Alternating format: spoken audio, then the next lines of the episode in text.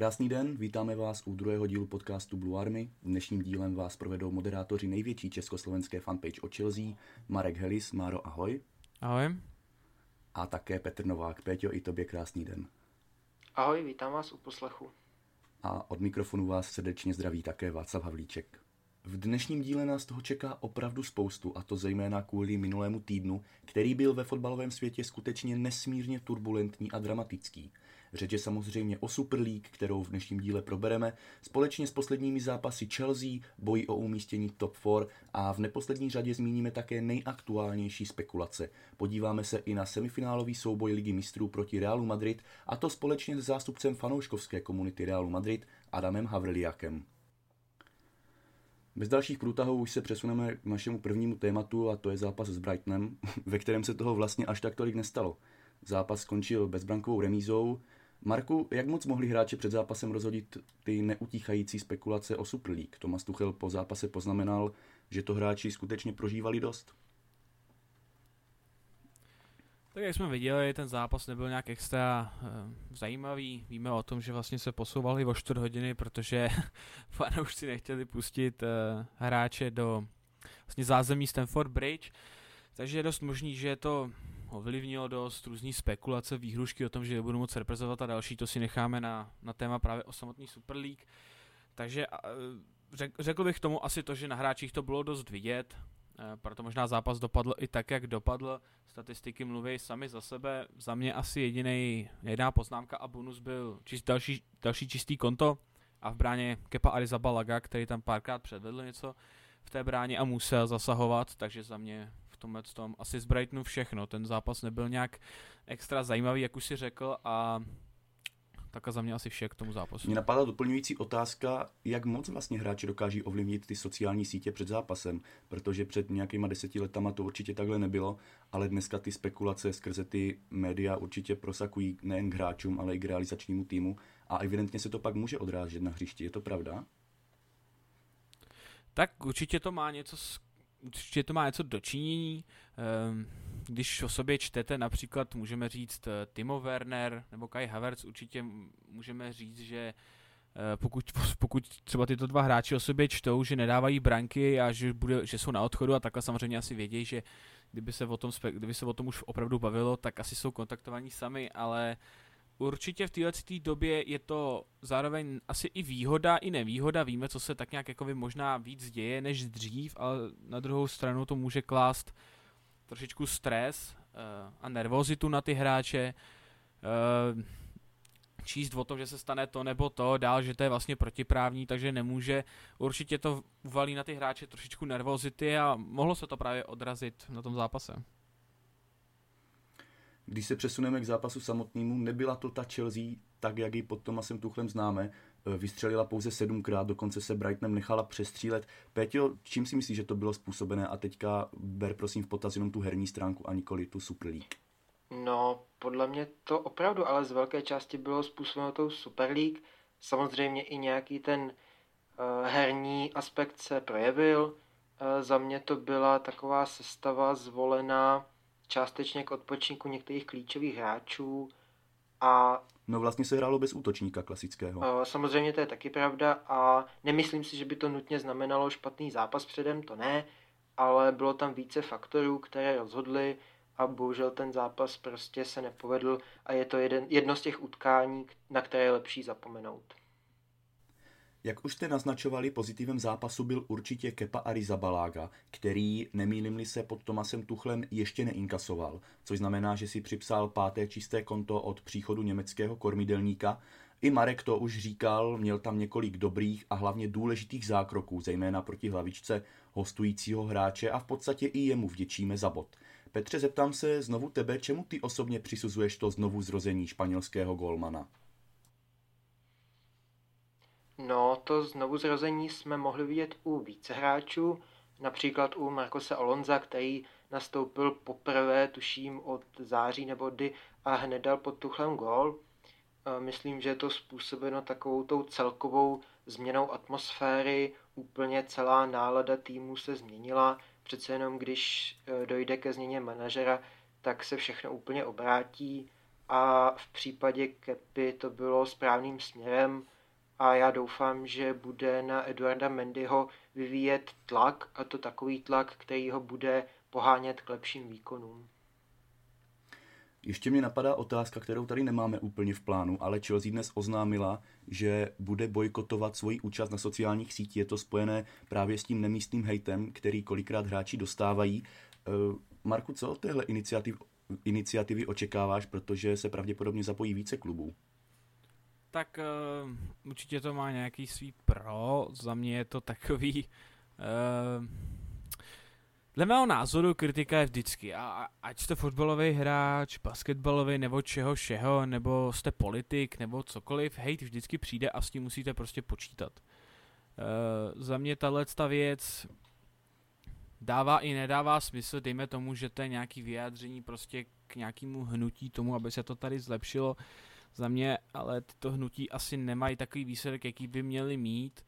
Uh, můžeme, můžeme pro příklad uvíct prostě klékání na začátku každého zápasu.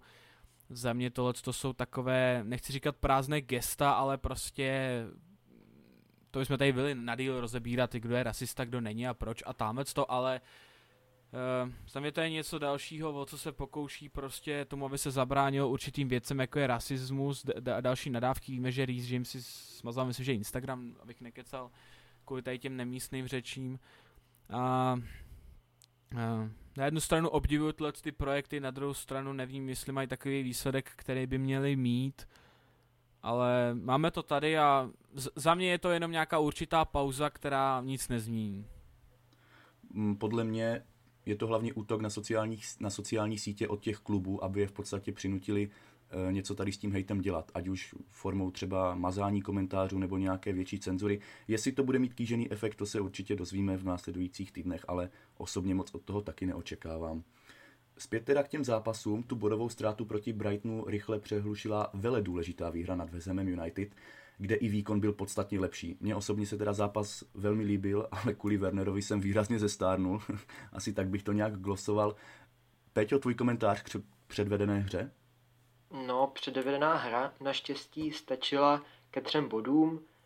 Nepřišlo mi, že by to byla nějak skvěle e, sehraný zápas, ale rozhodl jeden jediný gólový moment, který teda Timo zvládl skvěle i takové šance nedal a od něj jsme viděli i další velkou šanci, kterou nedal, ale herně to za mě bylo celkem povedené, eh, dokázali jsme dominovat, eh, dost jsem zachytil komentáře o tom, že to byla eh, nějaká taktická, velké taktické vítězství. Asi se s tím dá souhlasit, že to bylo skvělé, ale já bych z toho nebyl zase tak extrémně mm, pozitivní ale každopádně to byl naprosto klíčový zápas, co se týče našeho souboje o ligu mistrů. Já bych to nazval, říká se tomu zápas o 6 bodů a bylo naprosto pro nás důležité ho vyhrát. To se povedlo, s tím jsem extrémně spokojený. Já bych tady vysekl poklonu West Hamu, který v letošní sezóně opravdu válí a Davidu Moesovi jednoznačně to angažmá u kladivářů sedí. Každopádně, Marku, doplnil bys nějaké statistiky k tomuto zápasu? Tak co se týče statistik, tak uh, Thomas Tuchel se stal historicky prvním manažerem Chelsea, který neprohrál žádný ze svých prvních deseti venkovních zápasů. Má na kontě 8 vítězství, dvě remízy, skore 14 k 3, což 7 čistých kont, naprosto skvělý. A dále si Chelsea připsal další právě čisté konto, které posun, který posunulo v top pěti největších ligách na první pozici. Před Manchester City, který má 28, Paris Saint-Germain, United a Sevilla, která má 23 a Chelsea má právě neuvěřitelných 29. Takže určitě uh, můžeme vidět, že prostě pod Tuchlem se obraná hra, hm, defenzivní hra hodně zvedla. Uh, dovolím si i trošičku nesouhlasit s Péťou s tím, že mě zápas se líbil, Neříkám, že Peťovi ne, za mě jenom, že podle mě to bylo takticky hodně dobře. Eh, vlastně zvolená stoparská trojice Christensen, Rediger, Silva skvěle likvidovali veškeré vzduchní, vzdušní souboje. Za mě zápas zkrátka nepustil jsme West Ham absolutně k ničemu a to je skvělý základ proti právě těmto velkým týmům. Jo? Ne nadarmo se říká, že zápas vyhrává i, de, i defenzíva a to je právě ono, nedovolili jsme soupeři vlastně žádnou, že nedarovali jsme žádnou klíčovou chybu, po které, protože určitě West Ham má kvalit, že právě nějakou drobnou chybičku by potrestal hned brankou. Mohli jsme dát více branek, s tím naprosto se dá souhlasit. A za mě zápas skvělý, důležitý a předvedl vlastně, co Chelsea momentálně je a, a to, že defenzivně velmi stabilní a za mě jen tak dál. No to vzkříšení pod Tomasem Tuchlem je evidentní. Pouze Manchester City od doby, kdy se Němec dostal ke kormidlu, získal víc bodů než Chelsea.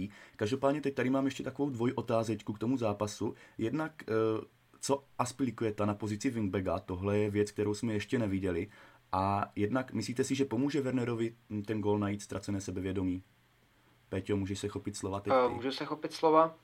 Uh, no, Cesar Aspliketa mě na pravém wingbackovi dost překvapil. Nečekal jsem to, to asi nikdo, což upřímně u... Pardon, že ti do toho, pardon, že ti do toho vstoupím, jak když jsem se díval na sestavu, tak říkám, nastoupili čtyři stopery, stopeři, jsem zvědavý, jak se to bude hrát, chvilku jsem přemýšlel i nad variantou 4-3-3 vlastně s Chilwellem na křídle. Nakonec z toho vznikla tady ta formace a myslím si, že tam aspoň mu sedělo, i když hodně fanoušků mu už vyčítá, eh, že v podstatě ztratil rychlost. Teď teda můžeš pokračovat, pardon, že jsem do toho No já jsem uvažoval stejně, ale zase mi přišlo zvláštní, že uh, Tomas Tuchel se vyjadřoval, že na systém se dvěma stopy, respektive čtyřmi obránci, uh, ještě nejsme dostatečně uh, zkušení, že na to jsou potřeba určité automatizmy a tak, tak mi bylo právě divné, že by to zkusil v tak klíčovém zápasu. No nicméně uh, Aspi na wingbacku za mě odehrál povedený zápas, já jsem neměl moc velká očekávání, ale já bych hodnotil jenom pozitivně, hlavně teda samozřejmě směrem dozadu, ale myslím, že i dopředu eh, se mu dost dařilo centrovat a celkově mě příjemně překvapil. A co se Wernera týče, Maro? Co se Werner týče, určitě uh, super, protože právě jak říkal uh, Tomas Tuchel, to, to teda nebyl žádný šmudlácký gol, ale jak řekl Tomas Tuchel, prostě potřebujeme, aby Timo dal nějaký, i kdyby právě šmudlácký gol, který prostě ho přitáhne na tu chuť a uh, může se rozestřílet. Měl tam i druhou šanci vlastně po odraženém míči po střele Masona Mounta, který ho teda do toho vstoupím, musím opět znova pochválit, prostě předvádí skvělý výkony, a i mě trošičku mrzelo, že právě Mason nedal branku takhle z dálky, když přivřu jedno oko, vidím prostě Franka Lamparda, jak z dálky prostě absolutně jenom z nápřahu žádného rozběhu prostě střílí. Naprosto fantasticky a těším se na to, jak s tím s tím bude pokračovat, ale abych se k tomu vrátil, tak po tomto odraženém balonu mohl v podstatě, sice to bylo trošičku z úhlu, mohl eh, Chelsea dát do vedení 2-0, což si myslím, že by kladiváře úplně uzemnilo, Takhle to bylo napjaté do poslední minuty, dejme tomu, než přišla ta červená karta, která je trošku spekulativní. E, ale řekl bych, že pro, tým, pro týma je to skvělá zpráva, je to skvělý, že prostě vstřelil branku a může to být začátek něčeho, že se, že se právě rozestřílí.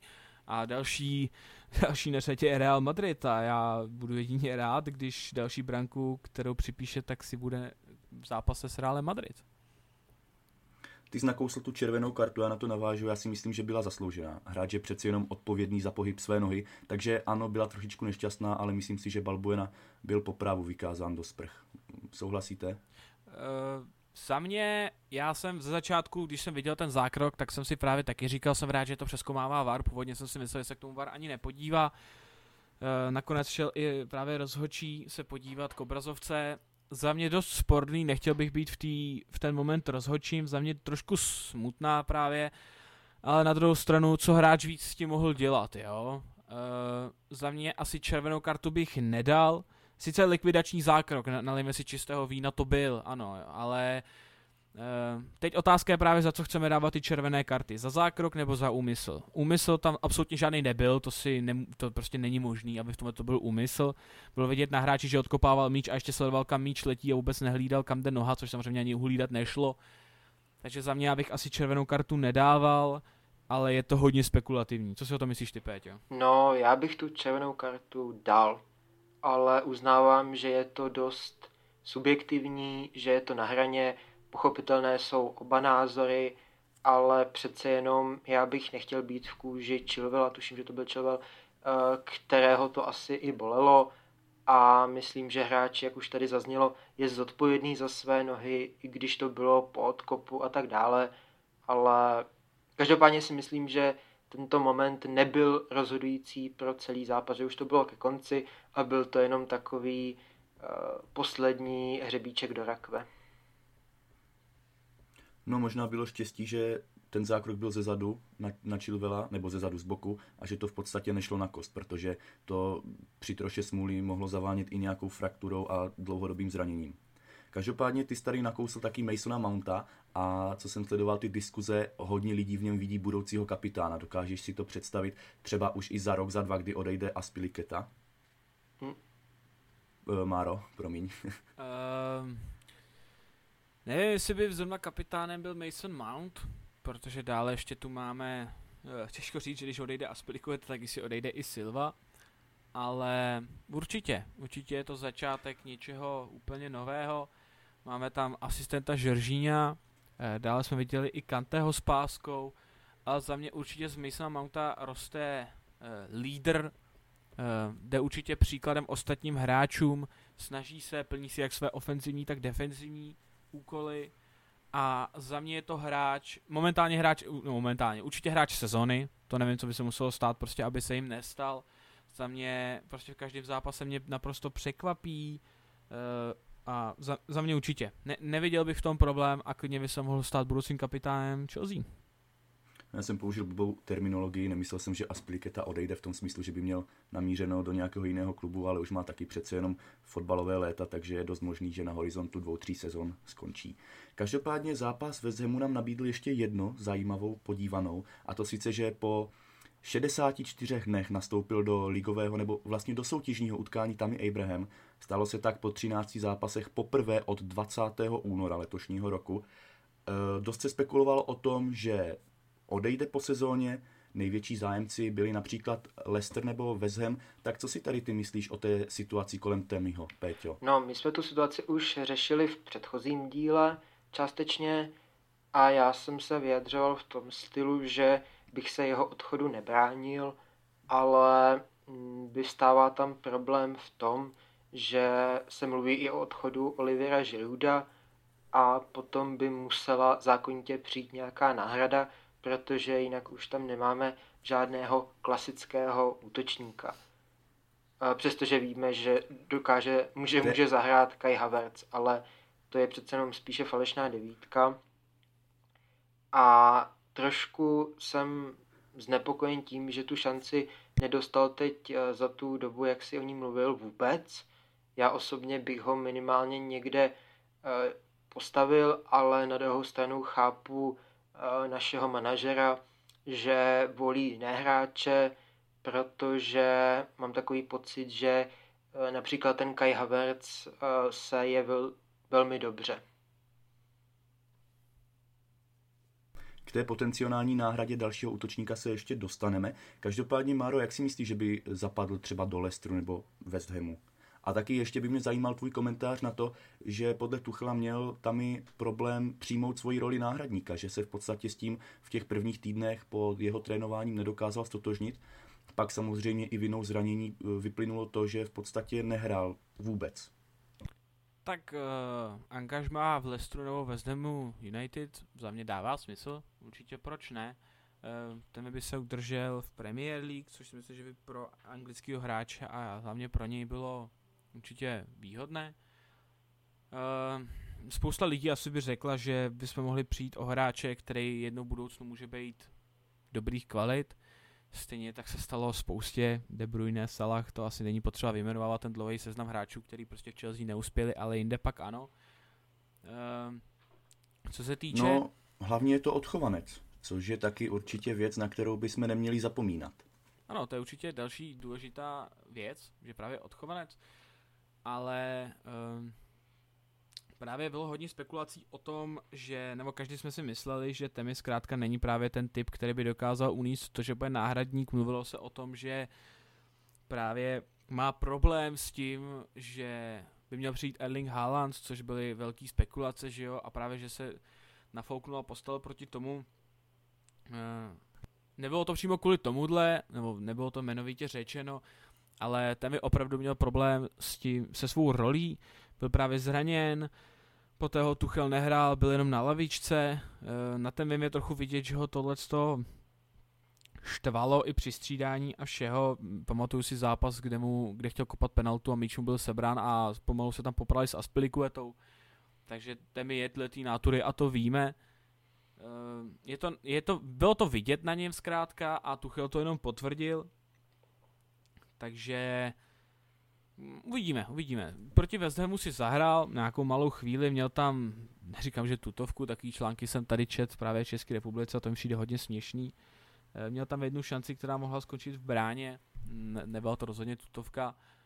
A uvidíme, jestli ho bude dál Tomas Tuchel hrát, nebo v létě odejde. Najde se klub, který za ní zaplatí nějakou větší sumu, bude stát větší sumu, to je otázkou.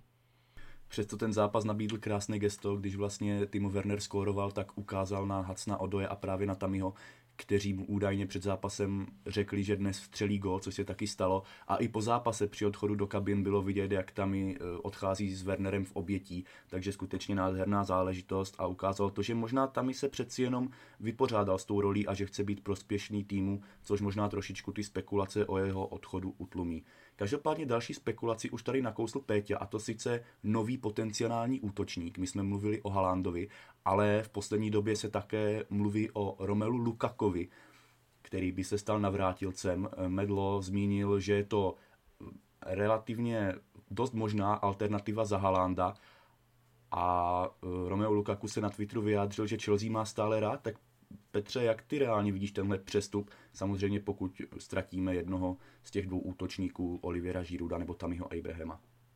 No, teď je asi ještě brzo říkat na to, co bude v létě, nicméně už teď asi můžu s klidem říci, že by ho bylo jednodušší získat než právě uh, norského útočníka, přičemž jeho angažmá v Interu, do, uh, do kterého přestoupil z Manchester United, schrnuje statistika, když si v 90 zápasech připsal 61 gólů a 14 asistencí. Já si dlouhodobě o Lukakovi myslím, že je to skvělý útočník, přestože v minulosti měl určité slabiny, které ale podle mě vylepšil. A můžeme se tady bavit o prvním doteku, o celkově práci s míčem, přihrávání a podobných záležitostech – za mě už je to úplně jiný hráč, než který byl v United. Například si vzpomenu na jeho gól za Belgii, který vstřelil českému národnímu týmu, když uh, Ondřej Čelůstka vůbec nevěděl, kde je Lukaku, vůbec nevěděl, kde je balon a naprosto nádherně to zakončil. Uh, já bych uvedl některé jeho statistiky z letošní sezóny, uh, kdy on v Inter Milan nastupuje jako pravý hrotový útočník, hrají eh, převážně s Lautarem Martinezem. V italské sérii A odehrál 31 utkání a tam má naprosto fantastickou bilanci 21 gólů a 9 asistencí.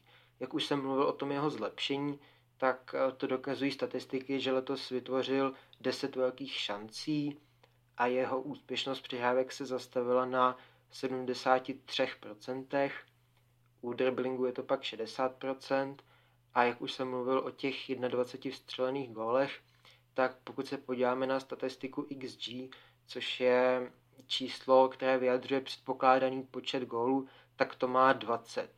Pokud bychom odečetli penalty, tak je to 16,2, což nám říká, že on vlastně dá ještě více gólů, než eh, do jakých šancí se dostává. Každopádně eh, jeho letošní sezona je se dá hodnotit jako skvělá a nejen Lukaku, ale i ostatní hráči táhnou Inter za titulem a momentálně vedou tabulku o 10 bodů. A ještě bych tady poznamenal, že je v ideálním věku, je mu 27 let, což pro útočníka znamená, že pomalu vstupuje do, té, do toho pomyslného vrcholu. A já bych se vás rád zeptal, jestli byste ho uvítali v Chelsea, Máro. Tak už to byl, jak víme. Uh, Premier League má rád, Chelsea má rád. Uh, za mě vysloveně nějakého hroťáka teďka podle mě nemáme. můžeme spekulovat Žirut, Temi Abraham, myslím si, že oba dva mají takové výkony, že podle toho, jak se vyspí, nechci to říct takhle ošklivě, ale je to v podstatě tak. Já bych se tomu nebránil, určitě to bude dost levnější alternativa Haalandovi. Um, a uvidíme, sezona ještě furt není u konce, uvidíme, jak bude hrát Chelsea, uvidíme, co vůbec bude. Um, za mě bych tu otázku si spíš přesměroval na Vaška. Já asi, vy jste to řekli krásně a zhrnuli jste všechno, co vlastně zhrnuto být mělo, a jenom krátce, že za mě by to smysl dávalo, pokud skutečně ztratíme nějakého toho útočníka a pokud by Lukaku skutečně při, přišel, tak by byl jenom přínosem. Každopádně ještě, co se Lukaka týče, on taky na těch sociálních sítích dostával poměrně dost silný hate v době, kdy hrál za Manchester United. No a teď je opěvován fanouškami Interu, v podstatě i fanouškami po celé Evropě, takže je tohle ten příklad, jak se třeba vyrovnat s hejtem, pracovat na sobě a makat. Máro, co si o tom myslíš? Tak určitě chce ukázat, že uh, nasloucháte fanouškům, že určitě tomu něco dáváte, ale zase na druhou stranu ne, chce to taky ukázat, že hate není věc, která vás zastaví od neúspěchu. Určitě právě Kay Havertz a Timo Werner můžou být tím příkladem. Ehm, spousta hráčů je hejtovaná a pak, když to řeknu na plnou hubu, zavřou fanouškům prostě pusu. Ehm, za mě ta možnost, tohle to přesně je, byl Manchester United kritizován a vidíme, vidíme právě teď eh, skvělý čísla, a maká na sobě a to hráči musí, musí předvíst. Musí předvíst, že prostě zkrátka reagují na fanoušky a reagují na obojí. Reagují na chválu, uh, chtějí dávat fanouškům to, co chtějí a na hate reagují právě tím, že na sobě budou tvrdě pracovat a ten hate umlčí. Takže za mě to, to je právě ta forma a proto, proto ten hate tady svým způsobem pomyslně musí být, protože to je právě to, co vás žene. Některé hráče samozřejmě žene samotná myšlenka prostě, že chtějí posunout víc klub, další, že ne právě hate, jsou hráči, kteří líp hrajou pod stresem eh, a pod nervozitou a nátlakem fanoušků a novinářů, takže eh, určitě to je jeden, určitě to je jeden způsobů, který hráče dokáže namotivovat a posunout je právě dál. Dostáváme se k dalšímu hejtovanému hráči, a to sice Jorginhovi, který je na tom s oblíbeností u fanoušků Chelsea v podstatě jako na houpačce, nesmírně kritizován za dob Mauricia Sariho, teď trochu eh, zlepšení pod Tuchlem, nicméně jeho nejnovější prohlášení, dovolím si tvrdit, zase tu oblíbenost trošičku zhodilo, protože on řekl následující, cituji, budu naprosto upřímný, myslím si, že Frank Lampard vynechal v učení několik kroků nezbytných k tomu, aby mohl trénovat tak velký klub, jakým je Chelsea. Přišel do klubu, kde je legendou, bez toho aniž by měl nějaké větší zkušenosti. Řekl bych, že přišel příliš brzy a že ještě nebyl dostatečně připraven trénovat na takové úrovni já si myslím, že Jorginho sice řekl to, co si všichni myslíme, ale dost neohrabaným a nevybíravým způsobem. Hm, co si o tom myslíš ty, Petře? Dovolil si příliš? No, asi se shodneme na tom, že to jeho vyjádření dává smysl a myslí si to asi tak většina fanoušků. Já s tím také souhlasím. Otázka je, jestli to přišlo v ten správný čas, jestli s takovým dost, eh, dost řekl bych, eh, zajímavým a trošku eh, bulvárním vyjádřením neměl ještě počkat. Já si třeba můžu uvést příklad k tomu jádru, že neměl dostatek zkušeností. Já jsem nedávno poslouchal podcast Angličan, to mimochodem posluchačům můžu jenom doporučit. A tam bylo řečeno, že český fotbalista Jaroslav Plašil hrál v Monaku kdysi a přišel tam Didier Deschamps a on přišel jako trenér i hned po skončení hráčské kariéry, stejně jako Lampard. A ty hráči říkali, že on v průběhu prvních dvou let vnímal spoustu záležitostí a spoustu problémů jenom jako hráč, že se k tomu nedokázal postavit jako trenér, takže i na základě tohohle já usuzuji, že přece jenom ty zkušenosti tam chyběly a asi to mělo ještě chvíli počkat, ale samozřejmě známe ty okolnosti, kdy byl zákaz přestupu a tak dále a tak dále. Každopádně já s tím vyjádřením musím souhlasit. Eh, zopakuji, pouze se můžeme dohadovat o tom, jestli si to mohl dovolit. Za mě asi ano, zas takovou bouři to na sociálních sítích nevyvolalo, podle mě teda, a já jsem s tím v podstatě spokojen a v pořádku. Nevidím na tom žádný problém. Paradoxně možná Frank mm, měl úspěšnější sezónu, když měl zákaz přestupu. Možná je to tím, že na něho nebyl vystaven takový tlak. Marku, chceš tomu ty něco ještě dodat? Asi nemám víc. Samotný, ten, samotný to, co řekl Žoržíňo, dává naprosto smysl. Eh, dohadovat se o tom, jestli to řekl příliš brzy, asi, asi možná trošku, možná se mohlo k něčemu vyjádřit později, to bych asi nějak neřešil. Zkrátka je, je to tak, Frank prostě přišel dřív, ale na druhou stranu já mu nedávám vůbec za zlý, že do té uh, šance šel, protože sám Frank to komentoval, že prostě ta nabídka přišla a bylo to naprosto jasný. A já souhlasím, udělal bych to úplně stejně, šel bych do toho taky po hlavě, absolutně to nic neznamená. Eh, přišel jsem, zkusil si to, první sezona byla neuvěřitelná, za mě první sezónu opravdu klobouk dolů, co dokázal s mladýma hráčema a s banem, ale druhá sezona prostě zkrátka přišel nátlak.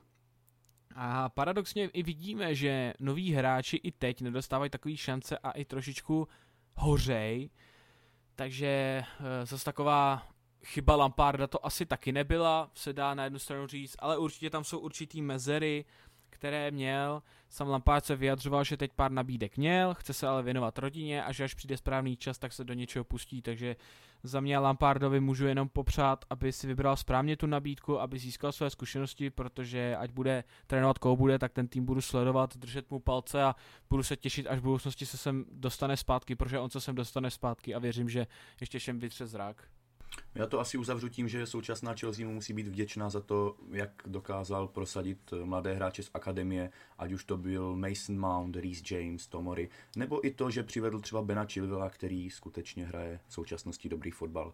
Každopádně teď se dostáváme k tomu nejaktuálnějšímu tématu, a to sice Super League, elitářské lize, která měla jednou provždy změnit fotbal. Petře, představíš nám v krátkosti tento projekt? Eh, ano, s radostí ho představím. Eh, jednalo se vlastně o nezávislou soutěž evropských velkoklubů, eh, tím nezávislou, myslím, nezávislou na UEFA, což k této myšlence se ještě dostaneme. Každopádně zakladajícími kluby byla, bylo jich celkem 12, ty, které to oficiálně oznámili.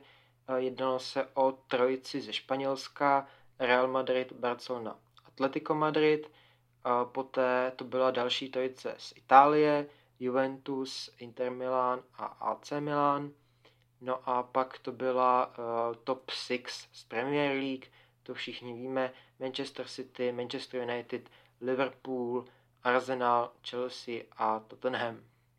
A poté se objevily nějaké kluby, které svou účast odmítly. Byl to Bayern Borussia Dortmund, Lipsko, Porto nebo třeba PSG. Předsedou nebo prezidentem této soutěže měl být Florentino Perez, o kterém se budeme bavit v následující části s hostem e, z tábora fanoušků Realu. Těch klubů v soutěži mělo být celkem 20. Jednalo by se o 15 stálých, které by tu soutěž hrály automaticky a pět dalších, které by musely projít jakousi kvalifikací, jejíž přesné náležitosti nebyly zveřejněny. Měly tam být i dvě skupiny po deseti týmech. Každý tým by v té skupině hrál doma a venku a logicky poté by následovaly vyřazovací boje, kam by se dostalo 8 týmů. Hrálo by se to doma a venku dvoukolově a finále potom stejně jako v Lize mistrů na jeden zápas. A z finančního hlediska si kluby měly rozdělit 3,5 miliard eur, které měly být použity na, nějakou, na nějaké jejich zotavení se po pandemii a celkově na zlepšení jejich zázemí, na nákup hráčů a tak dále. Ovšem, no hlavně ten price Pardon, pardon, pokračuj. Ovšem objevily se i celá řada kritik a na to bych se zeptal Marka. Tak jestli Vašek k tomu nic nemá co dodat? Já jsem chtěl jenom zmínit, že ten price pool uh, měl být pro vítěze, měl být třikrát větší, než je price pool pro vítěze ligy mistrů. Takže uh, z tohohle pohledu je mi jasný, proč ty kluby v tom viděli potenciální záchranu před nějakým krachem. Hodně se mi taky líbil ten slogan, uh, který říkal, že fotbal byl vytvořen chudými a ukraden bohatými. To si myslím, že byla velice silná message. Fanoušci se proti tomu hodně ohradili a Máro, předám ti slovo, ty určitě k tomu doplníš víc. Ta kritika přicházela jako od fanoušků, ale právě eh, negativní postoj vytvářela taky FIFA a UEFA. Eh, zákaz startu za národní týmy, možné vyloučení z aktuální sezony ligy mistrů nebo Evropské ligy, způsob eh, oznámení půlnoc, za mě jasné cílení na americký trh, domácí asociace a ligové orgány také odmítali přístup, hrozilo vyloučení z, z Premier League, 15 týmů by hrálo stále bez kvalifikace a bez hrozby sestupu, vypadnutí Arsenal a Tottenham například. A dále reakce fanoušků. Eh, k tomu bych asi dodal akorát to, že zkrátka fanouškům se to nelíbilo, eh, na tom asi není vůbec co dodat, právě uh, nevím, víc takových ironických na jednu stranu postojů.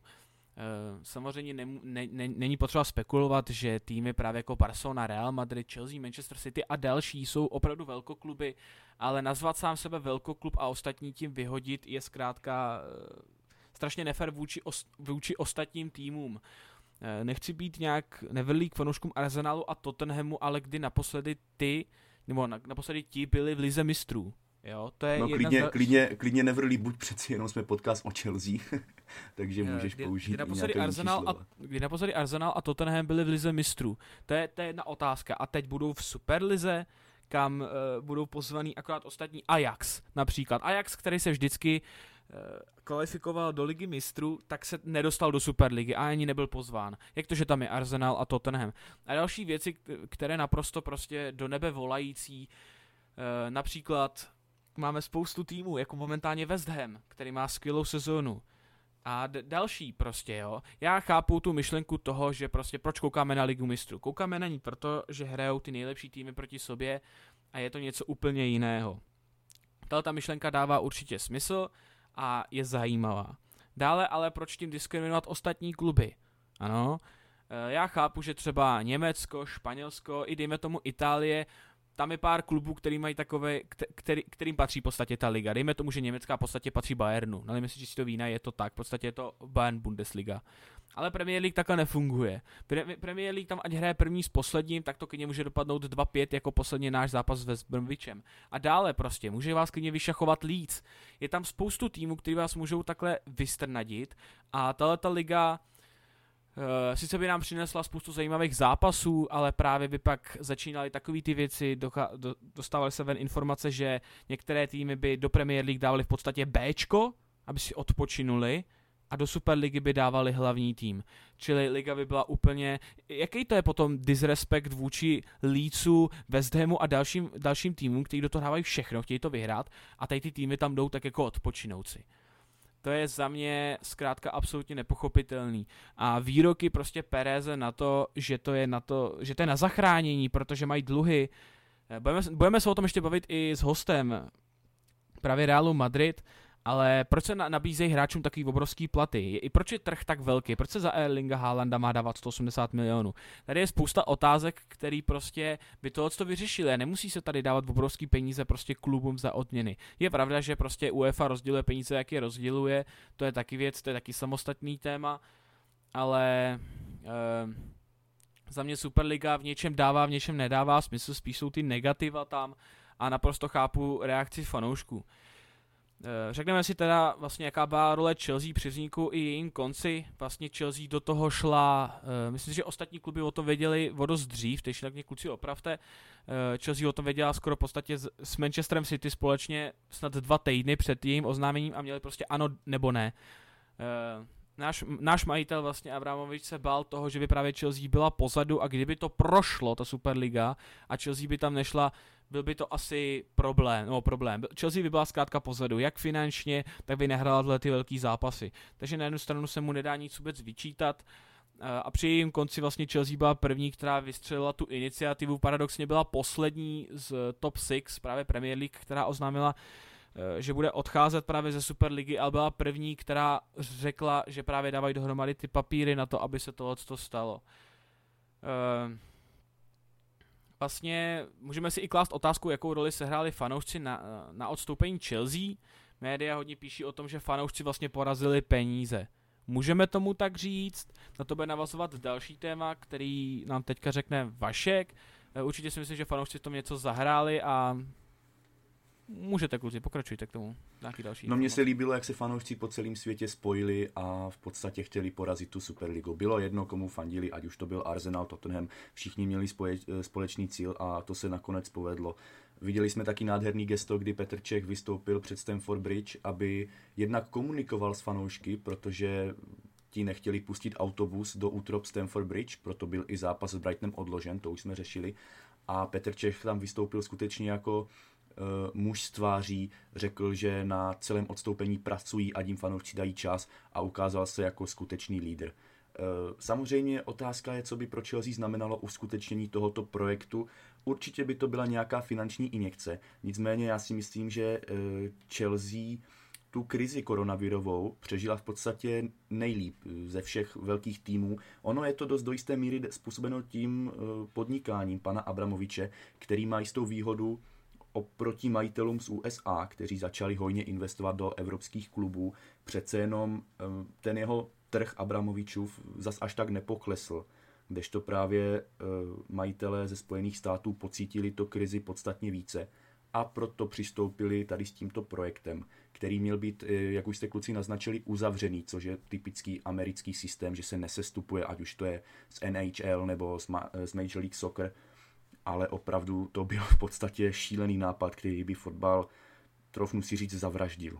Souhlasím samozřejmě s nějakou finanční revolucí ve fotbale, protože ty platové stropy jsou naprosto šílený, ale ta revoluce by měla být promyšlená a měla by spočívat třeba v tom, že se skutečně hráčům sníží platy. Ještě bych reagoval na výrok Florentina Pereze, který řekl, že ten projekt se v budoucnu uskuteční, že v podstatě není jiná cesta, jak velkokluby zachránit. A hovořil jenom o tom, že ta liga je odložená, nikoli zrušená. Nicméně mm, pravda je taková, že v současnosti v Superlize by byly jenom dva týmy, a to sice Real Madrid a Barcelona, takže s takovou by se asi chlapci moc mm, nepohli. A ještě mě napadá otázka, e, co vlastně Perez tím chtěl dosáhnout? Je to skutečně jenom e, to, že chtěl oddálit krach svého klubu, nebo chtěl Real Madrid dostat na pos, pomyslné fotbalové výsluní, Máro? Tak uh, mluví se vlastně, jako příklad, například, uh, jako příklad uvedl, že vlastně nákup ta, takových hráčů jako je Haaland a Mbappé jsou právě, je právě řešení Superliga. Takovéhle právě uh, finanční injekce, který, který tomu klubu dají tu možnost koupit tyto hráče. Za mě tohle to není řešení. Ty hráči prostě ty platy a ty přestupové částky jsou zkrátka zbytečně přemrštěný a to je samotný problém. Dále vysvětleme si právě, jak si, jak si řekl, eh, naše finanční stránka jako Chelsea je úplně jinde. Jak je možné, že my jsme dokázali během takové koronové krize koupit Haverce, Wernera, Ziecha, Chilvela, jména opravdu zvučný. Jak je možný, že my jsme to mohli a nejsme v žádném mínusu? Roman tady dává uh, místa v hotelu a, dal, a další věci, plný pla, p, platy na 100% a všechno. Jak je tohle to možné? To je zkrátka tím, jak se k těm financím chováme. Takže za mě tohle to není řešení toho, že by kluby na to neměly, ale řešení prostě špatné uh, politiky tohodle a z toho důvodu si myslím, že nezachraňuje fotbal, ale svůj klub. Máš na to, Petře, jiný názor? No, já se přiznám, že úplně Florentina Pereze zas tak neznám. Ta jeho vyjádření v médiích uh, tak často nevídám, jako třeba fanoušci španělských klubů, ale myslím, že mu opravdu šlo hlavně o situaci jeho vlastního klubu uh, s tím, že v Reálu tuším budou nebo probíhaly nějaké volby, a je tam spousta dalších faktorů. Nicméně já bych ještě poznamenal, že ta myšlenka nezávislé soutěže na UEFA e, za mě nemusí být nutně špatná. Tam ta hlavní negativní bouře ty eh, fanoušci, co všechno psali a tak, to bylo kvůli těm problémům spojenými eh, s domácími soutěžemi nebo s tím, že by vlastně šlo o umělé odstranění konkurence a spousta dalších věcí, nebo třeba nemožnost uh, nastupovat za národní týmy pro hráče ze Superligy a tak dále a tak dále. Takže já, když jsem se poprvé dozvěděl o tom, že Chelsea bude v Superlize bez kontextu tohoto ostatního, tak jsem byl rád, že se na nás v vozovkách nezapomnělo, ale samozřejmě musíme se podívat i na tu druhou stránku, na tu negativní, která podle mě převážila to pozitivní, co na Superlize bylo. Tak či onak, čas nám pomalu ale jistě kvapí, což znamená, že se přesuneme na poslední položku předtím, než dorazí host, zástupce fanouškovské komunity Realu Madrid. A to jsou sice otázky od vás, od posluchačů. Vy jste měli možnost eh, psát na Instagram eh, cfc.cz.sk a Mára teď eh, přečte vybrané otázky na nás. Takže mám tu otázku, kterou budu směrovat na Vaška a to je vlastně situace a názor na Tomoriho. Víme, že nyní je vlastně na hostování v AC Milan, je tam nějaká výstupní klauzule, která se pohybuje kolem 27 až 28 milionů do, e, eur. Takže Vašku, jaký je tvůj názor na jeho situaci? Uh, ty výkony, které předvádí v AC Milan, jsou skutečně dobré. I samotní představitelé AC si ho hodně pochvalují. On ty výkony neměl špatné ani v Chelsea, nicméně nedostával tolik prostoru, to je možná jediná výtka, kterou bych měl k Franku Lampardovi. A zástupci AC se vyjádřili, že by si Tomoriho skutečně rádi ponechali natrvalo, což je podle mě škoda, protože žádnou zpětnou koupi ve smlouvě nemáme zahrnutou a mělo by se o ní usilovat, pokud ten díl dopadne. Nicméně je tam jedno velké ale a to sice, že ta zmíněná částka 27 milionů eur se zdá být pro AC mm, velká, pro tak mladého hráče. Takže na jednu stranu AC by skutečně Tomoriho rádo získalo natrvalo, Nicméně bude tam uh, hrát hlavní roli to, jak se týmy budou schopni domluvit na částce. Pokud Chelsea neustoupí z těch 27 milionů eur, myslím si, že AC nebudou ochotní takto velkou částku zaplatit. Dále rozhodně souhlasím, uh, že vlastně uh, tam bude trošičku otázka taky, co se týče financí. Otázka další je, jestli to Mori bude mít vůbec místo u nás, takže jestli ho budeme dál potom spát na hostování, prodáme ho, nebo co bude. Mluví se i o tom, že Chelsea má zájem o velkého stopera, ale to až později. Eh, a vlastně poslední a druhou otázkou je, už jsme ji tady trošičku rozebrali, takže, budu, takže Petře asi nějak jenom stručně. Werner, jeho forma. Uh, dokáže ještě nějak, nebo myslíš si, že by dokázal se ještě nějak zlepšit? vlastně překonat ten svůj beznaděj momentálně, kdy zkrátka paradoxně je to nejvíc přispívá Chelsea momentálně, ale fanoušci a všichni ho stále vnímáme jako hráče, který přišel s nějakým očekáváním a stále ho nesplnil. Co si o tom myslíš? No, takhle.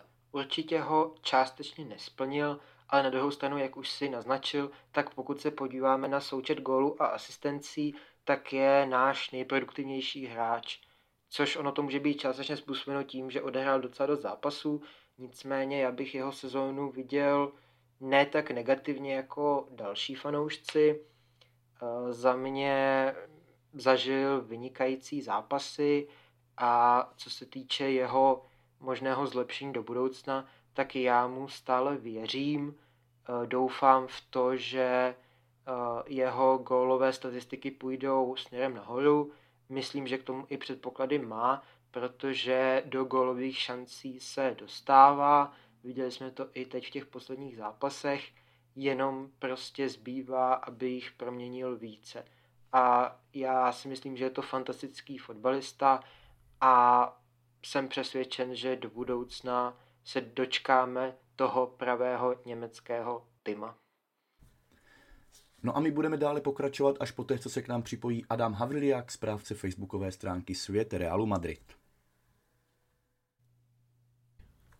Posloucháte i nadále podcast Blue Army. Došlo nám tu k personálnímu přeskupení, neboť se k nám přidal Adam Havriliak, správce fotbalové stránky Svět Realu Madrid, která má 245 tisíc sledujících. Adame, gratuluju jednak k takovému číslu a jednak tě vítám tady u nás v podcastu. Ahoj.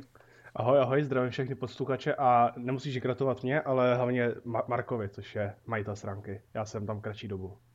Dobrá. E, my se budeme bavit zejména o losu Ligy mistrů. Na závěr také zmíníme krátce už omývanou Super League. Každopádně teď k té Champions League. Vy jste postoupili v osmi finále přes Atalantu poměrně hladce. Ve čtvrtfinále jste narazili na Liverpool. Jsem osobně rád, že jste ho vyřadili. Porazili jste ho doma 3-1.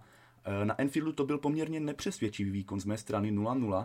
Eh, bylo to takový, že jste skutečně hráli na to, abyste ten postup udrželi, což se nakonec povedlo. Je pro tebe Chelsea přijatelný los? No já když bych se vrátil k tomu zápasu s Liverpoolem, tak musím říct, že ten druhý zápas byl asi takový slabší, hlavně z důvodu těžkého losu, který jsme měli hlavně, eh, v, hlavně v Lize, kde jsme hráli s Barcelonou, což která prostě chytla tu formu a pro, prokazuje to moment, delší čas. Takže jsme po velmi dobrém zápase na domácím stadionu chtěli trošku odpočinout, eh, dohrát to v klidu a hlavně postoupit, protože ten zápas na Barceloně byl hodně těžký, ten déšť byl neskutečný, to se asi, jestli jste to viděli, tak já jsem asi nic takového neviděl na moderním fotbale. Já jsem to viděl a byl to docela marast, no. No to, to teda, hlavně ke konci zápasu, takže kluci určitě byli unavení, takže chápu taktiku Zidana, který, zvolil. A k té Chelsea jsem rád, že, že, jsme, že jsme dostali si Chelsea, protože dva typologicky podobné týmy, takže očekávám hodně vyrovnanou bitvu. Marku, ty seš taky rád za ten los, který svedl dohromady Chelsea a Real Madrid po strašně dlouhé době. Tak vlastně, eh, když jsme dostali Porto, tak to bylo asi z těch všech týmů asi papírově nejlehčí, přestože víme, že to nejlehčí zápas, nejleh, nejlehčí dvojzápas nebyl. Eh, a dále se nabízela trojice Paris Saint-Germain, Manchester City a Bayern. Za mě nechci říkat, že Real je nějaký lehčí tým, to rozhodně ne, ale uh, někoho z těchto gigantů bych si představoval spíš radši ve finále nebo takhle. Za mě Real Madrid asi určitě lepší. Maj, mají formu určitou, mají ale i marotku. Já si právě přesně říkal, Adam představuju hodně vyrovnanou bitvu. Hodně, každý tým má své pro i proti. A za mě Real Madrid je skvělý soupeř, hlavně proto, že sám Tuchel nebo Lampard, teď nevím, kdo z nich to řekl, Liga mistrů je proto, aby jsme se utkávali s, s týmy z jiných lig a porovnávali jejich síly, takže vylosovat si Manchester City by pro mě asi bylo zklamáním. E, Petře, Real se utkal s Chelsea v soutěžních zápasech. Vlastně se utká poprvé za tohle tisíciletí. Co ty očekáváš od toho dvojzápasu? No, já očekávám hlavně těžký souboj. Ať už si o současném Realu Madrid myslíme cokoliv, tak pořád je to velkoklub, podle mnohých je to nejlepší klub ve fotbale vůbec, ať už hlavně teda historicky. A za mě já očekávám v prvním zápase takovou taktickou vyčkávanou. Myslím si, že ten první uh, zápas nebude nijak eh, strhující, že to bude takové oťukávání. Uh, je možné, že padne gol a že se to třeba zvrátí. Nevím, nemám věšteckou kouli, ale každopádně už se nemůžu dočkat a samozřejmě jako fanoušek Chelsea doufám, že se nám povede postoupit. Adame, ty zmínil, že Barcelona chytla formu, ale tu formu jste chytli i vy a to dost velkou, protože jste naposledy prohráli 30. ledna. E, je to ten důvod, ta nově chycená forma, proč je Real Madrid mírným favoritem. Já jsem se díval na kurzy a hned po losu bezprostředně byly ty kurzy na postup absolutně vyrovnaný. Oba dva týmy měly stejné šance s kurzem 1,81. Teď se kurz na Chelsea trošičku zvedl, takže mírným favoritem Real Madrid. Přikládáš to teda té aktuální formě? Určitě částečně můžeme přikládat aktuální formě. Musím říct, že mužstvo se hodně zvedlo. Nečekal jsem až takové rapidní zvednutí formy po tom, co, co jsme zažili a co nás celou sezonu trápí a to jsou prostě markantní zranění. To je až neskutečný, co, co se nám jako letos děje. Máme přes 60 zranění, což je pře, asi nejvíc v moderní historii vůbec v sportu, ale asi favorit, nebo já bych nás nenazýval favoritem ani, určitě ne, ale myslím, že zkušenosti. To je něco, co může rozhodnout celé utkání a to hlavně ve záložní řadě. Tony Cross s Modričem skutečně patří, jak se říká na ostrovech, mezi masterclass v záložní řadě. Ty jsi už to naznačil, potýkáte se s neuvěřitelnou marotkou. Upřímně vám to nepřeju. Jak se tady ta marotka asi promítne do, čtvrtfina, eh, pardon, do semifinálového boje a kdo pravděpodobně bude chybět? Myslím si, že se to promítne hodně, protože nám bude chybět Mendy, což je prostě to je skála na levý, na levý obraně. Sice do toho útoku úplně ne, nepřidá to, co jsme byli zvyklí od Marcela, nějaké perfektní centry a takhle, ale zaopak zase přidá tu perfektní obranu, kdy dokáže naprosto uzamknout celou svoji stranu a tím nám hodně ulehčit. Pak asi Fede Valverde, což to je mašina, to je box to box hráč úplně perfektní, který dokáže zahrát jak v záloze, tak na nějakým pravým záložníkovi můžeme říct i second right backovi a výborná, a hlavně Ramos, to je lídr, ačkoliv bez něho se nám daří, což jsem nečekal, tak jeho zkušenosti a vůdcovství by nám taky určitě hodně pomohlo. Naopak se vám vrátil Eden Hazard, na kterého my osobně se určitě těšíme. Nastoupil teď v Betisu, myslím, že střídal v nějaké 77. minutě. Ten zápas skončil bezbrankově 0-0 ale on za ten svůj 13-minutový pobyt na hřišti vytvořil za celý zápas více šancí než ostatní hráči. Eh, jak ty vnímáš jeho návrat na Stamford Bridge a může být rozdílovým hráčem? No, musím říct, že zápas na Betisu nebyl zrovna ten povedený. To byla naprosto ofenzivní katastrofa. Takže jsem se těšil, až tam přijdou v čerstvé nohy a pokud to byl Eden, což se nevědělo, tak jsem byl hodně rád. A musím říct, že jeho, že jeho návrat byl opravdu dobrý. Vypadal svěže, vypadal um, odpočatě a vypadal, že, se, že chce hrát, že chce ukázat konečně, že na to má a že ne, nebyly to vyhozené peníze. Zapojoval se do útoku, hodně se snažil tvořit a opět ukázal, jak moc štědrý hráč to je, že mohl zakončovat, ale radši přihrál, než aby vystřelil, což je škoda. Ale rozdílem hráčem nevím, jestli může být. To si tomu ještě nevěřím, po tom zranění a co, co zažil u nás. Maro, a jak ty vnímáš návrat Edena Hazarda na Stamford Bridge? Možná trochu škoda, že to bude bez fanoušků, kteří by ho jistě přivítali vřele, troufnu si tvrdit.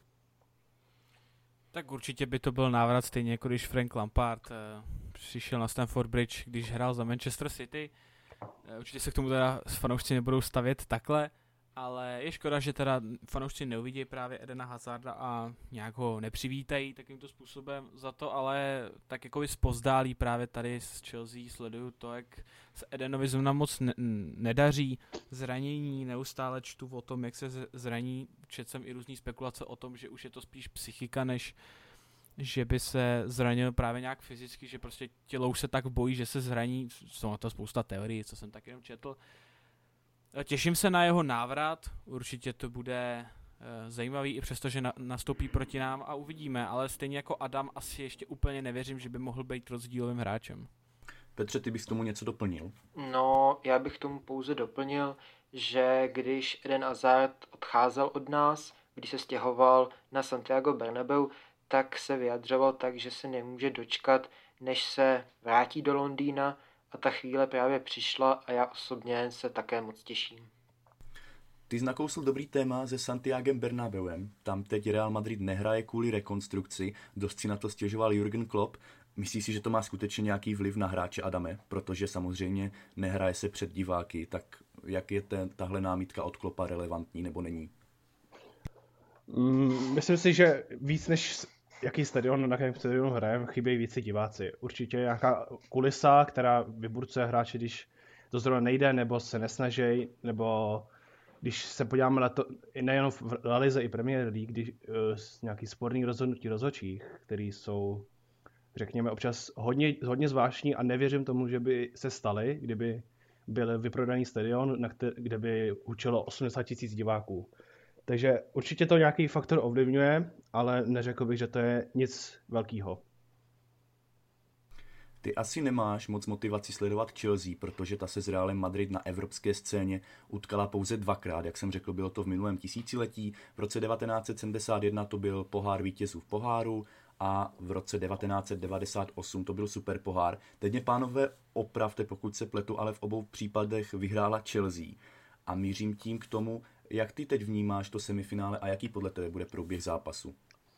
Tak moc rád ti vyvedu z omilu, já jsem obecný fotbalový fanoušek a Premier League mám hodně rád, takže Chelsea, když mám čas, tak se rozhodně podívám. Navíc pod Tomasem Tuchlem jsem se hodně těšil na to, co předvede, protože, protože moji kamarádi, co faní Chelsea, mu moc nevěřili a já jsem říkal, že to bude, že to bude dobrý prostě. Možná ti do toho skočím, než se teda zeptám na to semifinále, mm-hmm. tak mhm. co říkáš na aktuální formu pohledu z Chelsea z druhé strany? My jsme to tady chválili i nechválili, tak uh, jaký je názor fanouška jiného týmu? Mně se velmi líbí, že konečně má smysl nějaká hra Chelsea. Já když jsem koukal pod Frankem Lampardem, tak jsem si říkal, že tam není myšlenka, není tam mm, nějaká myš, něco, co by ty hra, hráči nevěděli, co jako hrají. Když jsme se podívali maximálně Mason Mount, který vynikal pod Frankem, ten se mně líbil, opravdu. Ale pokud jsme se podívali na zbytek týmu, tak taky Jorginho, ten byl úplně ztracený. Neměl, neměl místo v týmu a nedokázal podávat takové výkony, jako podává právě teď pod Tuchlem, kde se velmi zvedl a opět ukázal, že pro Chelsea může být stále důležitým hráčem, i přesto, že asi padl v nějakou nelásku fanoušku po tom, co předváděl poslední, dejme tomu, rok. Zároveň se mi líbí zlepšená defenzíva, která sice i pod Frankem v úvodu sezóny myslím, že byla velmi dobrá. Pokud se nepletu, tak tam bylo několik čistých kont v řadě, v čele s výborným Zoumou, ale pod Tuchlem je to ještě lepší. Je tam větší sehranost, týmovost, tým líp pracuje dohromady, hráči se líp doplňují, komunikují spolu a to vede potom k uh, lepší sebejistotě. Časy věří do útoku, mají chuť dávat góly, i když občas jim to trochu skřípe v tom útoku, co, co, například takový Timo Werner včera, když jsem viděl proti Vezemu, i tu super reakci Tomase Tuchla, tak jsem si říkal, že tohle může být možná faktor, který ten zápas rozhodne s náma, s Reálem. Eh, neproduktivita. Ať už na naší straně, anebo na vaší. Když už také přeběhnu rovnou od tématu, pokud můžu. Určitě že oba dva týmy se pišní skvělou defenzívou. My máme naprosto rozehraného Milita, který se objevil s formou najednou a hraje perfektně. Vylídra Nača, který je strcář a vede tu obranu. Je tam, byl tam výborný Lukas, ten už nám bohužel letos nepomůže a pravděpodobně ani už v následujících sezónách. Ale je tam návrat Daniel Carvachala, takže taky výborný obránce, mám ho moc rád. Na, nalevo možná trochu bude Marcelo, pokud nastoupí. V záloze tam se asi nemusím bavit, tam, je to, tam jsem naprosto spokojen s tím, co bude k dispozici. Ale útok, to pokud vychválím, tak tam můžu vychválit Maxima Karaba Benzemu, který je jistotou gólovou, ale naše křídla to je, to je velká tragédie, to je velká bída. Pokud, když se podíváme na takového Viniciuse, ten dokáže rozhodnout utkání svou individuální kvalitou, ale zároveň, nebo zároveň on vždycky hraje dobře, ale pokud se dostane k brance, tak ne vždycky se, ne, ne vždycky se trefí. To samé vidím například u Tima Wernera, který je, on, na ně se hodně nadává, jsem to četl, že je velká kritika, a on ani ty čísla nemá špatná, kolik má, 11 a 12 asistencí, myslím. Což prostě, když se na to udělá někdo, kdo nesleduje ty zápasy, řekne, že to je super forma, ale Timo mohl mít daleko lepší, daleko lepší čísla, eh, možná možná i trochu větší počet eh, asistencí, jelikož pro tým opravdu maká a vytváří ten prostor pro ostatní, jenomže před brankou často zaváhá. A to je přesně problém, který se potýká i u nás. Takže go- góly úplně zápase nevidím, ale vidím spíš taktickou bitvu Tuchla a Zidana podstatě zodpověděl i na tu moji otázku ohledně toho průběhu, takže jenom abys to potvrdil, očekáváš, že ten zápas rozhodnou, ten dvojzápas rozhodnou třeba dvě, tři branky. Že to budou spíš takové fotbalové šachy.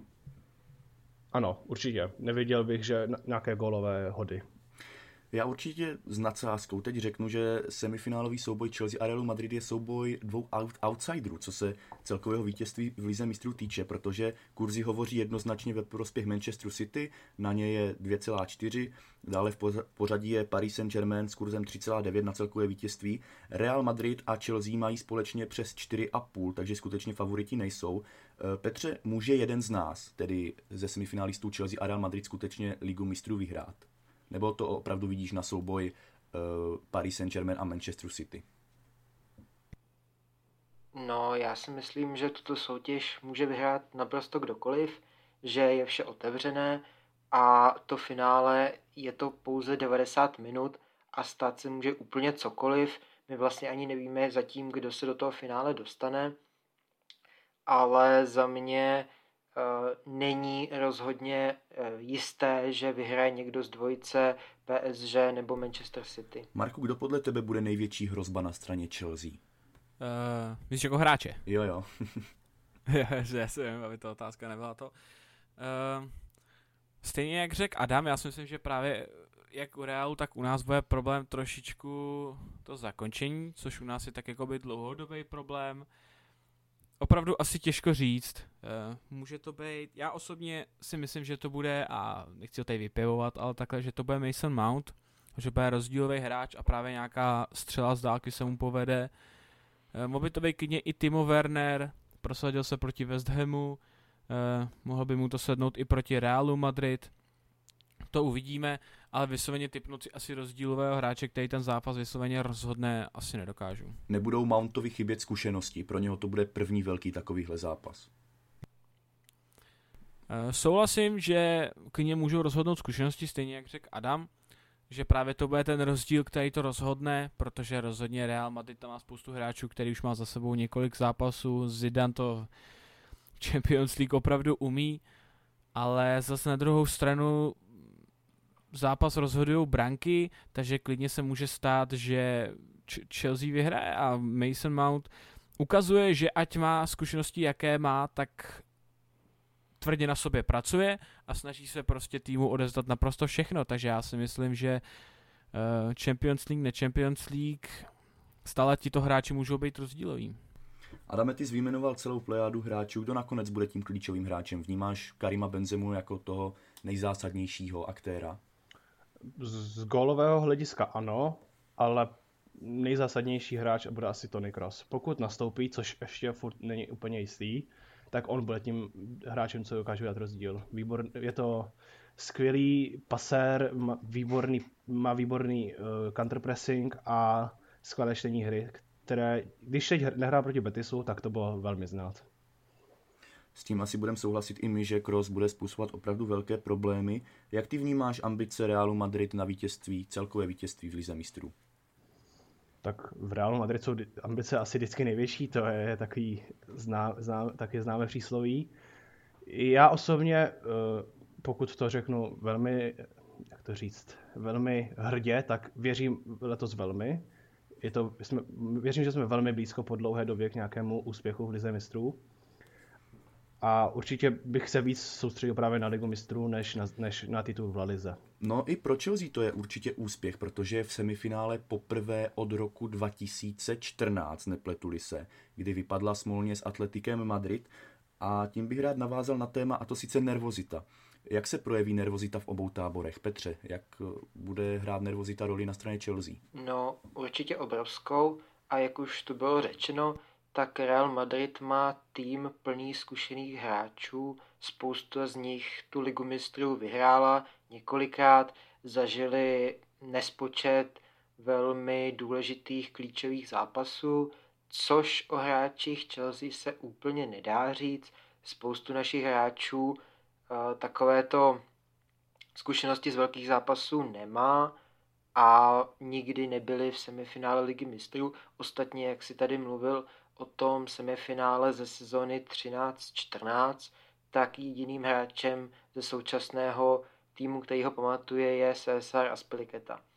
E, nicméně já si myslím, že ta nervozita může být opravdu klíčová, je to jeden z těch faktorů, ale nicméně já doufám, že Thomas Tuchel dokáže svůj tým připravit na tak velký zápas, přeci jen on s tím má také zkušenosti. To jsme mohli vidět například v minulé sezóně, kdy došel z PSG až do finále. Já si hodně pohrávám s tou myšlenkou, že by postoupila Chelsea i Paris Saint-Germain a byla by to skvělá pohádka, kdyby se ve finále utkal Tuchl proti svému bývalému zaměstnavateli.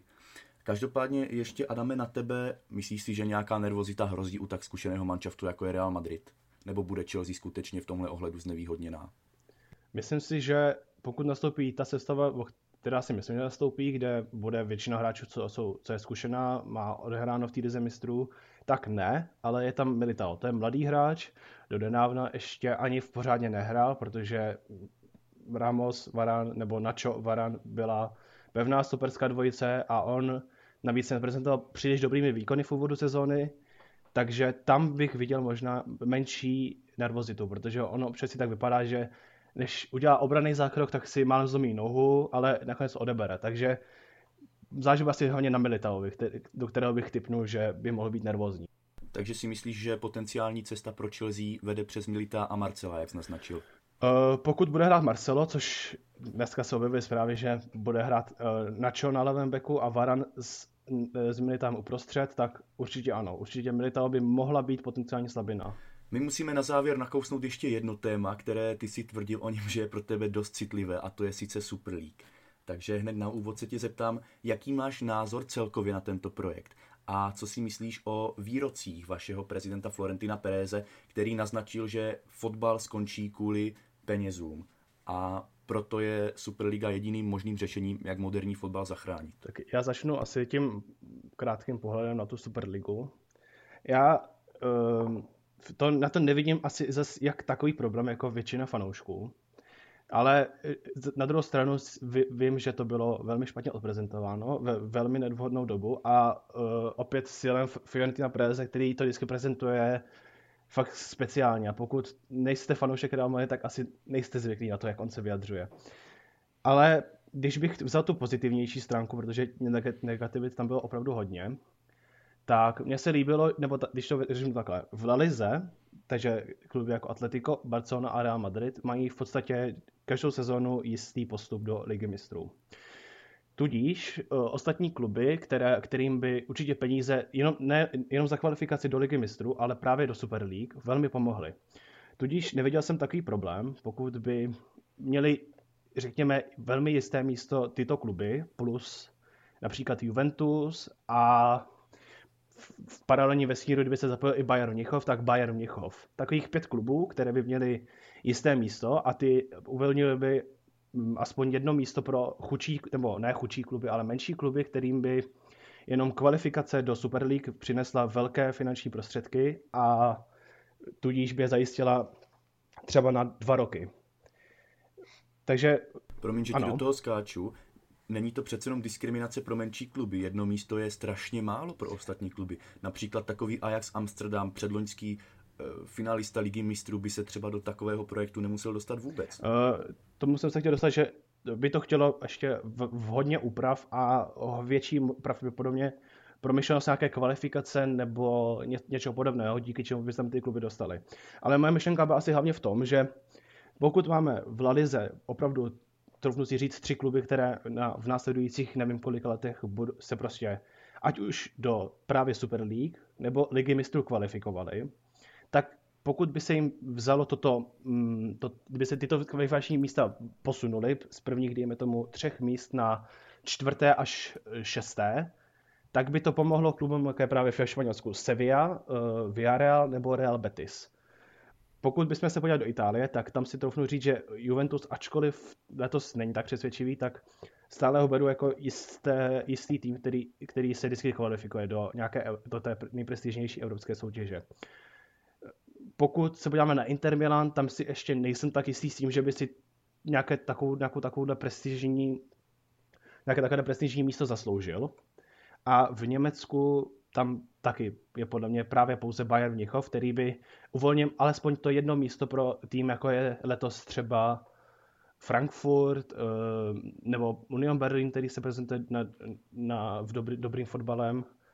Takže pokud bychom vzali tyto týmy, které by měly jistý, jist, jistý flag, řekněme to, když to řekneme takhle, a posunuli eh, několik, o, o, pár, o pár pozic níž, kva, eh, jist, buď jisté místo nebo kvalifikaci právě do Super League, tak by to mohl být dobrý projekt pro tyto kluby, protože na pozici 7, 6 a 5 se neumístí, většinu, neumístí každou sezonu stejný klub. Takže by to byla motivace pro menší kluby, jak se kvalifikovat do této velké soutěže, ve, ve které by bylo hodně peněz a mohli by si tak zařídit buď lepší posily, anebo uh, se zajistit do budoucna. Třeba na dva roky si udělat klubový budget. Takže ty výroky Pereze, že skončí fotbal kvůli penězům, kdybyste to mohl v krátkosti nějak okomentovat. Je to reálný nebo to není reálný? Je to mm, taková klasická, taky klasický vyjádření Florentina Pereze, který občas rád, eh, rád přehání a rád, mm, preze, rád, rád prezentuje něco jak, nebo věci, jak nejsou. Občas se vyjádří tak, že většina světa je naštvaná, ne, není, nesouhlasí s tím, protože je to příliš agresivní a určitě s tím nesouhlasím. Není, není určitě nevěřím tomu, že by fotbal za, za tři roky uh, skončil nebo velké kluby by zkrachovaly. Určitě tomu nevěřím. Mám tady na to poslední otázku, co se Super League týče. Perez na jednu stranu říká to, co říká, o tom jsme se teď bavili, a pak do médií prosakují informace, že je připraven nabídnout Alabovi smlouvu s neuvěřitelnými, s neuvěřitelnými 400 tisíci týdně pro tohoto obránce. Tak ne, nepodkopává si trochu nohy. No, to je přesně ono, že uh, Perez uh, vždycky, se vždycky nějak vyjádří, že nejsou peníze, nebo není prostě možnost, jak, jak, něco, jak něco udělat.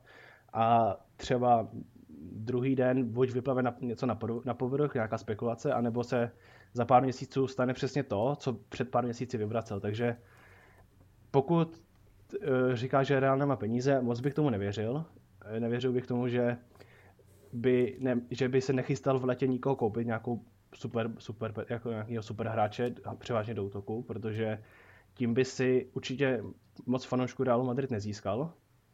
A ten Alaba, tam mě spíš nevadí asi to, že mu, nebo v té souvislosti s tím, že říká, že Real má peníze, mě spíš vadí to, že se chystáme podepsat hráče a dát mu takovýhle plat, který by se ročně vyšplhal až, na nějaké, až do nějaké top pětky. Místo toho, aby jsme se snažili o prodloužení smlouvy takovému Ramosovi, který, kterému chceme snížit plat a dát mu pouze jednoroční kontrakt. Marku Petře, máte vy nějakou otázku na Adama, co se Super League týče?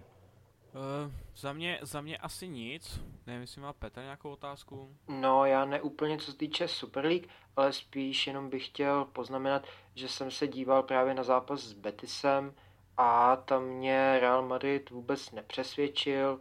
Přišlo mi, že vůbec neměl hlad po vítězství a celkově ten zápas byl takový zvláštní, ale zase nechci podle jednoho utkání hodnotit celý tým a ambice na postup, to, to samozřejmě ne. Jinak už asi nic nemám. Možná taky hráči Realu šetřili síly, nebo vlastně na ten semifinálový duel. Mm. Každopádně pokud nic nemáte, já, nebo Petře, chceš ještě něco doplnit? Jenom jsem chtěl říct, že to je možné a částečně eh, v našem zápase s West Hamem mi to chvílemi také tak přišlo, přestože to byl velký zápas a museli jsme ho vyhrát, tak taky mi přišlo, že někdy už ke konci to bylo takové vlažnější. Na Petra mě asi, na, eh, teda na Petra, eh, na Adama mě napadá asi jenom poslední otázka a to je přímo od našich fanoušků a zároveň asi i ode mě. Jsou určitý spekulace, že Chelsea vlastně bude schánět stopera, nějakého top, top třídy a mluví se právě o Rafael Varánovi. Bude mu končit smlouva, že jo? Uh, a teď otázka, jestli za tím odchodem je na něčem založení, nebo je to prostě jenom, že, nějak, že končí smlouva a ostatní kluby po něm mají hlad. Je opravdu odchod Rafaela Varana nevyhnutelný, nebo se mu prodlouží smlouva? Uh, jo, jo, čekal jsem tu otázku. Uh, ra, situace Raf, Rafy je taková, podle mě spíše ještě nedokážu říct přesně, jestli prodlouží nebo ne, protože to asi se bude řešit až po konci sezóny, ale speku, jsou spekulace, že neví, zda prodlouží a pravděpodobně se tomu ani nechystá prodloužit, že tyto spekulace tady už byly kdysi, nebo je to, před, je to pár let dozadu, myslím si, že, že nějaký rok 2000 18, 19, kdy se rozhodoval, zda nepotřebuje výzvu. Ale abych řekl pravdu, určitě na tom něco bude, protože vyjednávání se nějak neposunuly. Takže bych možná, možná bych očekával, že letos k tomu konečně dojde. A myslíš si, že Chelsea je skutečně tím týmem, kam Varan může směřovat?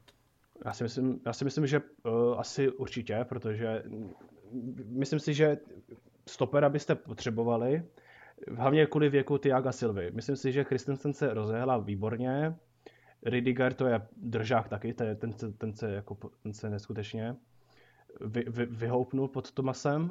A Tiago je přece jenom už má 36 let, myslím, tak tam bych očekával asi nějaké omlazení a posilu. Napadá mě na závěr úplně poslední krátká otázka. Kdyby byl jeden hráč z Chelsea, kterého bys mohl přivést do Realu Madrid, kdo by to byl? Uh, to je těžké, to je těžké. Musím se přemýšlet, kde bychom potřebovali posílit, protože mě se, já mám velmi rád Masona Mouta, je to, je to velmi podle mě i podceněný hráč, což úplně nechápu vzhledem jeho kvalitám, ale zase si říkám, že jestli by si našel místo v naší záloze, tudíž a spát nějaké křídlo, vymýšlet nějakou takovouhle šeškárnu asi nechci, takže já bych řekl, já bych řekl Timo Werner. I když je to asi překvapivý, tak já bych se dokázal představit Real Madrid.